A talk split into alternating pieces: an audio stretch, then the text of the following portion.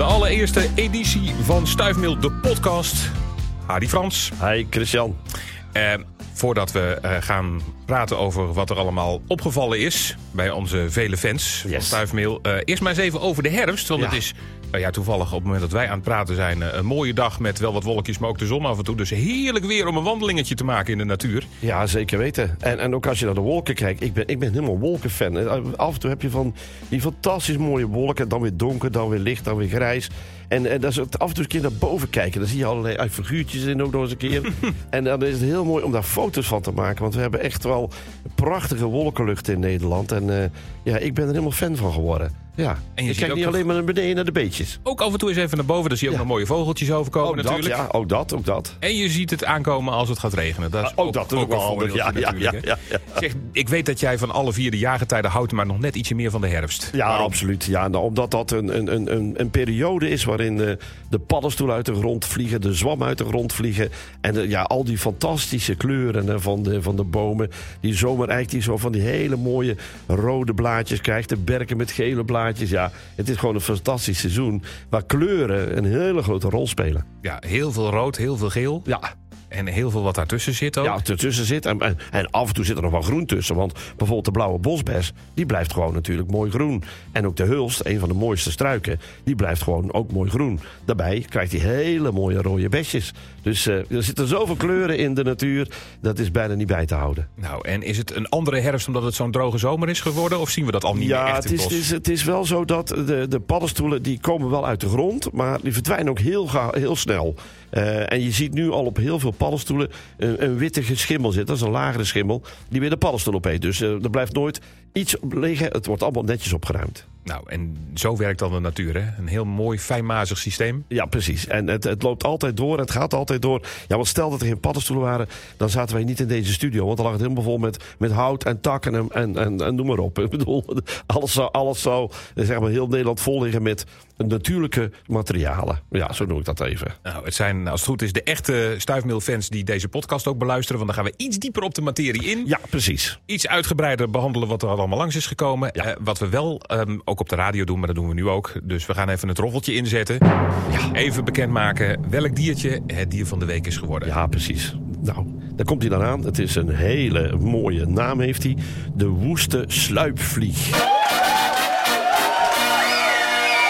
De woeste sluip. Sluipvlieg. En Ja, dan denk en- ik, ik bel de politie. Ja, ja precies. Maar zo woest is hij niet voor mensen. Het is al vooral voor dieren zo. Eh, en eigenlijk zijn er binnen die eh, sluipvliegenfamilie hebben, zijn er twee woeste sluipvliegen. Want ze kunnen ze bijna niet onderscheiden van elkaar. Eh, vandaar dat in Latijn kom je toe, af en toe twee verschillende namen tegen. Ja. Maar goed, dat, daar gaan we verder niet op in. Want het gaat over de meest kleine onderdeeltjes. Waarom dat ze al verschillend zijn van elkaar. Wat je centraal kunt zien van die woeste sluipvlieg is dat hij ook aan mimicry doet. Hij heeft dus een, een lichaam wat dus zwart-geel is. Eh, oftewel, hij bootst, eh, bootst een wesp. Juist. na. Hij wil op een wesp lijken Ja, precies, ja, om precies. niet opgevreten Om te worden. niet opgevreten te worden. Dat is mimicry, die naam komt vaak ja, voor. Precies, ja, die wou ik net zeggen, dat hebben we vaker gebruiken ook. Ehm, ehm, maar wat doet dat beestje nou? Dat, de, de vrouwtjes, als ze gepaard hebben, dan gaan die vrouwtjes die leggen een eitje op een blad neer. Op een gewoon blad van een boom of van een struik.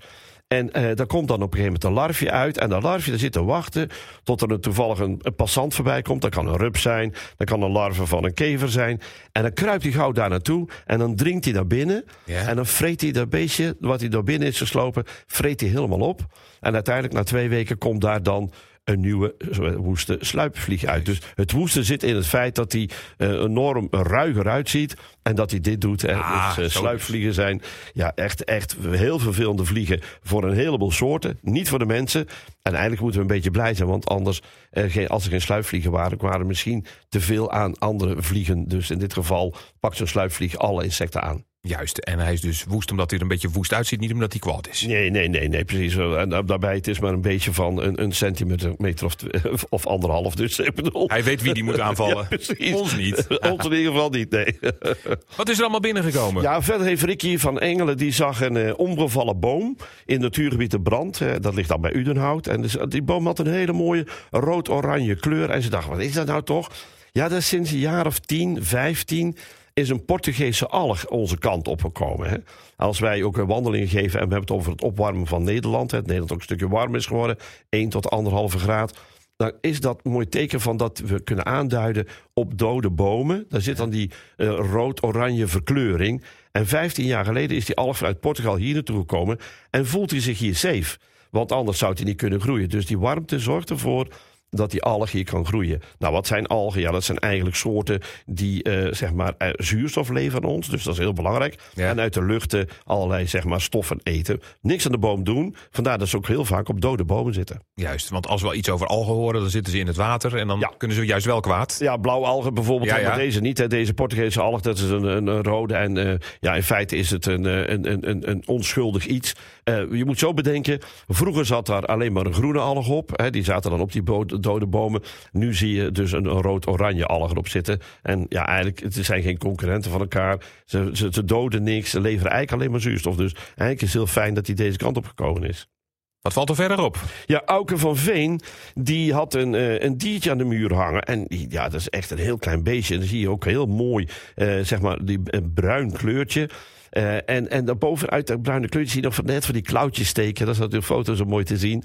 Uh, in dit geval is het de gewone dwergvleermuis. En gewone dwergvleermuis, dat klinkt al, al heel groot, maar het is maar een heel klein beetje. Want hij is maar 50 uh, zeg maar, millimeter groot. Dus het is echt een heel klein diertje. Maar heel belangrijk voor ons mensen. Want ze vangen heel veel muggen onder andere. Mogaansvliegen, schietmotten en motten.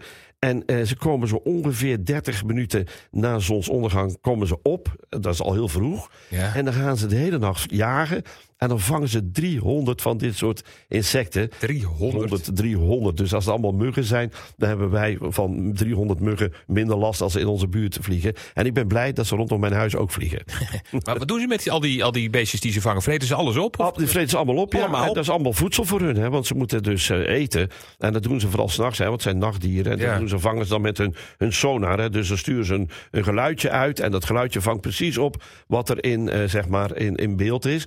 Dan komt het wel eens voor dat ze ook uh, zeg maar een, ke een, kever in beeld krijgen. Nou, sommige eten ze wel. Ja. Maar bijvoorbeeld gewoon de dwergvleermuis lust geen meikevers. Uh, maar die ziet dan niet dat het een meikever is. Je ziet wel de contouren van een kever. Die vliegt erop af, vangt dat beetje. En laat het dan meteen weer los, want die lust hij niet. Die laat hij dan weer vallen. Nou, voor die meikever is dat even spartelen. Want uh, wat doen die meikevers? Die sluiten hun dekvleugels en hun vleugels. Die, want die denken, ja, ik ben de klos. Maar dan gooit de vleermuis zijn ja, soort frietzakje, want zo is dat, dat hij ongeveer zijn, uh, zijn pootjes fout. Die, die, die, die, die laat hij dan weer open gaan. Ja, dan valt die kever zo één keer naar beneden ja. toe. En dan, als soms dan knalt hij op de grond, maar soms heeft hij nog net op tijd zijn vleugels uitgezet dat hij weer weg kan vliegen. Ja, en je kunt zulke leuke dingen als je even aan de wandel bent tegenkomen. Dat ja. ook elke keer weer in de post. Ja, precies. Hè, want Hanneke Serafijn, die, die kwam zeg maar, op een bepaald moment een skeletje tegen. En ze dacht dat het van een schedel was. Maar dat, was dus niet, dat is het dus niet. Want als je heel goed naar het dingetje kijkt, dat is een beetje een driehoekje. En dan zie je ook dat er op een zijkant de gaatjes in zitten. Ja. En dan weet ik, dan heb je met het heilige been te maken. Van welk diertje het is, dat vind ik moeilijk om te zeggen. Het kan van een muisje zijn. Het kan van een iets groter diertje zijn, een rat of zo. Maar het is in ieder geval het heiligbeen. En het okay. heiligbeen is een ja, zeg maar onderdeel dat zeg maar een, een onderdeel is van de wervelklomp. Het is eigenlijk het laatste stuk van de wervelklomp, waar ook voor dieren de staart aan zit. Hè. De, de, dat is het laatste stukje. Ja, wij zijn onze staart verloren. We hebben nog alleen maar een staartbeentje over. Ja, maar, maar voor de, dieren zit dan nog. De muis en de rat die hebben hem nog steeds. Die hebben hem nog steeds, ja, ja, inderdaad. En waarom heet dat ding nou heiligbeen? Ja, die chirurgijnen en barbiers van vroeger. Hè, want een, een, een chirurgijn was tevens barbier. Hè. Je was kapper en je was ook dokter. Dat, dat gebeurde. Oh, dat, oh, dat, was gewoon hartstikke makkelijk. Ja, precies. Kapper en dokter? Tegelijk, ja. Je was okay. barbier en je was uh, chirurgijn. En je mocht, je mocht alles doen. Okay. Één ding, dat durfde ze niet met hun mes in de buurt te komen van zeg maar, het onderste stuk van het lichaam, oftewel het heilig been. En omdat ze daar niet aan durfden te komen, vonden ze dat maar een heilig deel. En is dat stukje dan ook het heilig been genoemd. Ja, het is oh, die zo simpel als maar zijn kan. Okay. Hey, de plaatjes kun je trouwens in het bijgevoegde artikel zien. In de, in de beschrijving hieronder zetten we gewoon een linkje naar het artikeltje. Dan ja, precies. Al de fotootjes kun je dus allemaal ook, mooi ook, zien, uh, bijzoeken. Ja. Wat uh, heb je nog meer gezien? Nou ja, ik heb, omdat mensen dus nu op paddenstoelenjacht gaan. Hè, want ja. je ziet overal mensen met, met hun smartphone rondlopen en paddenstoelen fotograferen. Dacht ik, weet je wat, ik zet even op, uh, op de site ook even een natuurles over paddenstoelen. Oh, heel goed. Dan kunnen ze ja. even lekker gaan kijken mm -hmm. welke paddenstoel ze hebben als ze het toevallig gefotografeerd hebben.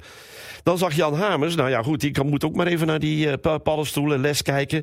Jan Hamers zag in zijn tuin een, een heleboel uh, mooie, uh, zeg maar geel-bruine, gele en donkere paddenstoelen bij elkaar. Ja. En wat hij gezien had, dat was natuurlijk de gewone zwavelkoppen. Mm -hmm. En allemaal hoedjes van de gewone zwavelkop. Eh, ze waren redelijk vers en daarom zijn ze ook nog zo fris eruit te zien. Ik denk dat ze op een, een stukje boomstronk staan. Wat je vaak dan niet kunt zien, want die, die, die, die gewone zwavelkoppen kunnen zo'n hele stronk bezetten. Dan zie je dus alleen maar paddenstoelen. En op dit moment, ik, ik ben gisteren ook buiten geweest, staan er echt heel veel. Er staan echt heel veel gewone zwavelkoppen in het bos. Dus en prachtig om te zien. Maar goed, ze komen ook in tuinen en in, in plantsoenen voor. Maar gewoon in, het, uh, in de bossen komen ze ook vol, volop tegen. Wel op doodhout, dat Ja. weer wel. Ja, als je trouwens, eh, als je, want dat vraag ik me wel eens af, als je een boom ziet met paddenstoelen er tegenaan, is dat per definitie een slecht teken voor de boom? Ehm, ja, eigenlijk kun je dat wel zeggen. Ehm, je hebt de, eh, zeg maar eh, saprofieten en, en parasieten. Ja. Het, bijvoorbeeld de tonderzwam en de berkenzwam zijn echte parasieten. Die kruipen naar een boom toe en doden ook zo'n boom. Die boom is wel al ziek, want anders laten ze hem links liggen. Maar eh, ze, ze kruipen daar naartoe, doden dan verder die boom. En blijven er vaak op zitten eh, als, als vruchtlichaam. Want wat je ziet zijn de vruchtlichamen. Want het echte organisme zit onder de schors. En zit de boom zit helemaal vol. Dus eh, ik heb al een keer iemand bij me gehad die zei van... Goh Frans, ik heb mijn boom gered. Want ik heb al die zwammen eraf geslagen. Ja, dan ben je al te Ja, laat, hè? ik wou net zeggen, je hebt de hoede eraf gehaald, maar het echte lichaam, dat zit er nog in. Dus die, die, die, die boom gaat ook dood. En er zijn eh, zeg maar eh, soorten bij, die zijn saprofiet, die eten van doodhout. Dus heeft iemand anders hem doodgemaakt. Kan insect zijn, kan een, een andere zwam zijn. Eh, en dan zitten zij erop en dan doden zij verder niet die bomen. Die leven dus van doodhout. Maar dan heeft een ander het al gedaan. heeft een ander het al gedaan, ja. dus de Dus, boom eh, is hoe dan ook. ja, als, je- als je zeg maar een, een paddenstoel op je boom hebt, dan is die per definitie eraan. Maar, maar het kan best jouw hele leven zijn dat die blijft staan. Want eh, even een ezelsbruggetje, als een eik 500 jaar geworden is, Ja. duurt het 500 jaar in normale omstandigheden dat die tot stof wederkeert. Dus dat duurt heel lang. Het kan jouw mensenleven overgaan. Eh, als jij een, een, een, een hoed van een paddenstoel o- op jouw eh, boom ziet, dat, dat, dat je dat niet eens meemaakt dat die omgaat. Nee. Dat kan makkelijk gebeuren. Nee, maar ook dat moment moet je voor zijn, hè Frans, dat de boom Ja, omgaat. Dus- precies. Ja, op dat moment moet je voor zijn misschien. dat- eh, ja, kijk, omvallen, dat doen ze niet zo heel gauw. Eh, want het is een massief stuk hout wat er staat. Hè? Ja, ik, heb, ik ken een boom in de Oostenrijkse bossen. Nou, daar loop ik al jarenlang, zo meer dan 40 jaar. En die staat er nog steeds, is steeds niet omgegaan. Heeft altijd wel hoede van een paddenstoel. Goed. Dus, je weet in ieder geval, je boom is er niet best aan toe, maar Nee. hij komt niet morgen al naar beneden. Nee, Althans, eh, precies. Dat hoeft, Dat- eh, dat- hoeft niet het geval te zijn. Nee, precies. Dat gaat hij echt niet doen. Nee. Goed, dan eh, Toosje Geerts, die maakte zich enorm druk. En stuurde mij ook een, eh, een, een berichtje van Frans. Wat moet ik ermee doen? Er zit een, een kakkerlak bij mij in, op mijn raam. En is het eh, zo'n erge kakkerlak? Ja. Kakkerlakken zijn nooit best, best hè, want die kunnen ziektes overbrengen. Maar deze die zij gevonden had, want ze had het zelf al een beetje op naam gebracht. eh, ze dacht van, weet je, volgens mij is de bleke, een bleke kakkerlak. En ja, dat is ook wel met een mooie gele kleur. Ja. Is de bleke eh, kakkerlak. En ja, die zijn niet zo gevaarlijk als die andere kakkerlakken. Maar je kunt toch ook best gewoon buiten zetten. want Dat is het beste. Ze horen bij de, eh, nou, deze kakkerlakken, die bleken, horen bij de boskakkerlak. Dus eigenlijk willen ze niet eens in huis zitten. Waarom komen ze dan toch? Ja, dat, ze proberen toch ook altijd op zoek te gaan naar nieuwe gebieden. En als je kiertjes hebt in je huis en gaten in je huis, dan, ja, dan kruipen ze toch naar binnen toe. En, en soms ook om te overwinteren Ja. of wat warmte te hebben. Dus dan zoeken ze ook wel wat nieuwe gebiedjes uit. Ehm, wat je het beste kunt doen is gewoon de naden van die kiertjes die je hebt dichtstoppen. Dat is ook heel goed, eh, zeker naar de winter toe. Want dan verlies je heel veel warmte. Ja. En ook als je zeg maar bepaalde ventilatoren hebt zitten die tussen binnen en buiten zitten. Nou, zorg dat die ook mooi gesloten zijn. Want dan komen ze niet naar binnen toe. Ze blijven dan liever toch ook buiten. Maar als ze kans krijgen, ja, dan kruipen ze lekker naar binnen toe. Dus je kunt ook zeggen van nou ja, ik heb, ik, heb, ik heb er veel, want ik zit dicht tegen een bos. Er komen vaker binnen. Nou, zorg dan dat je ramen en deuren van een heel fijn mazig gaas zijn voorzien. En dan komen ze er ook niet Dan doorheen. komen ze er ook niet en, doorheen.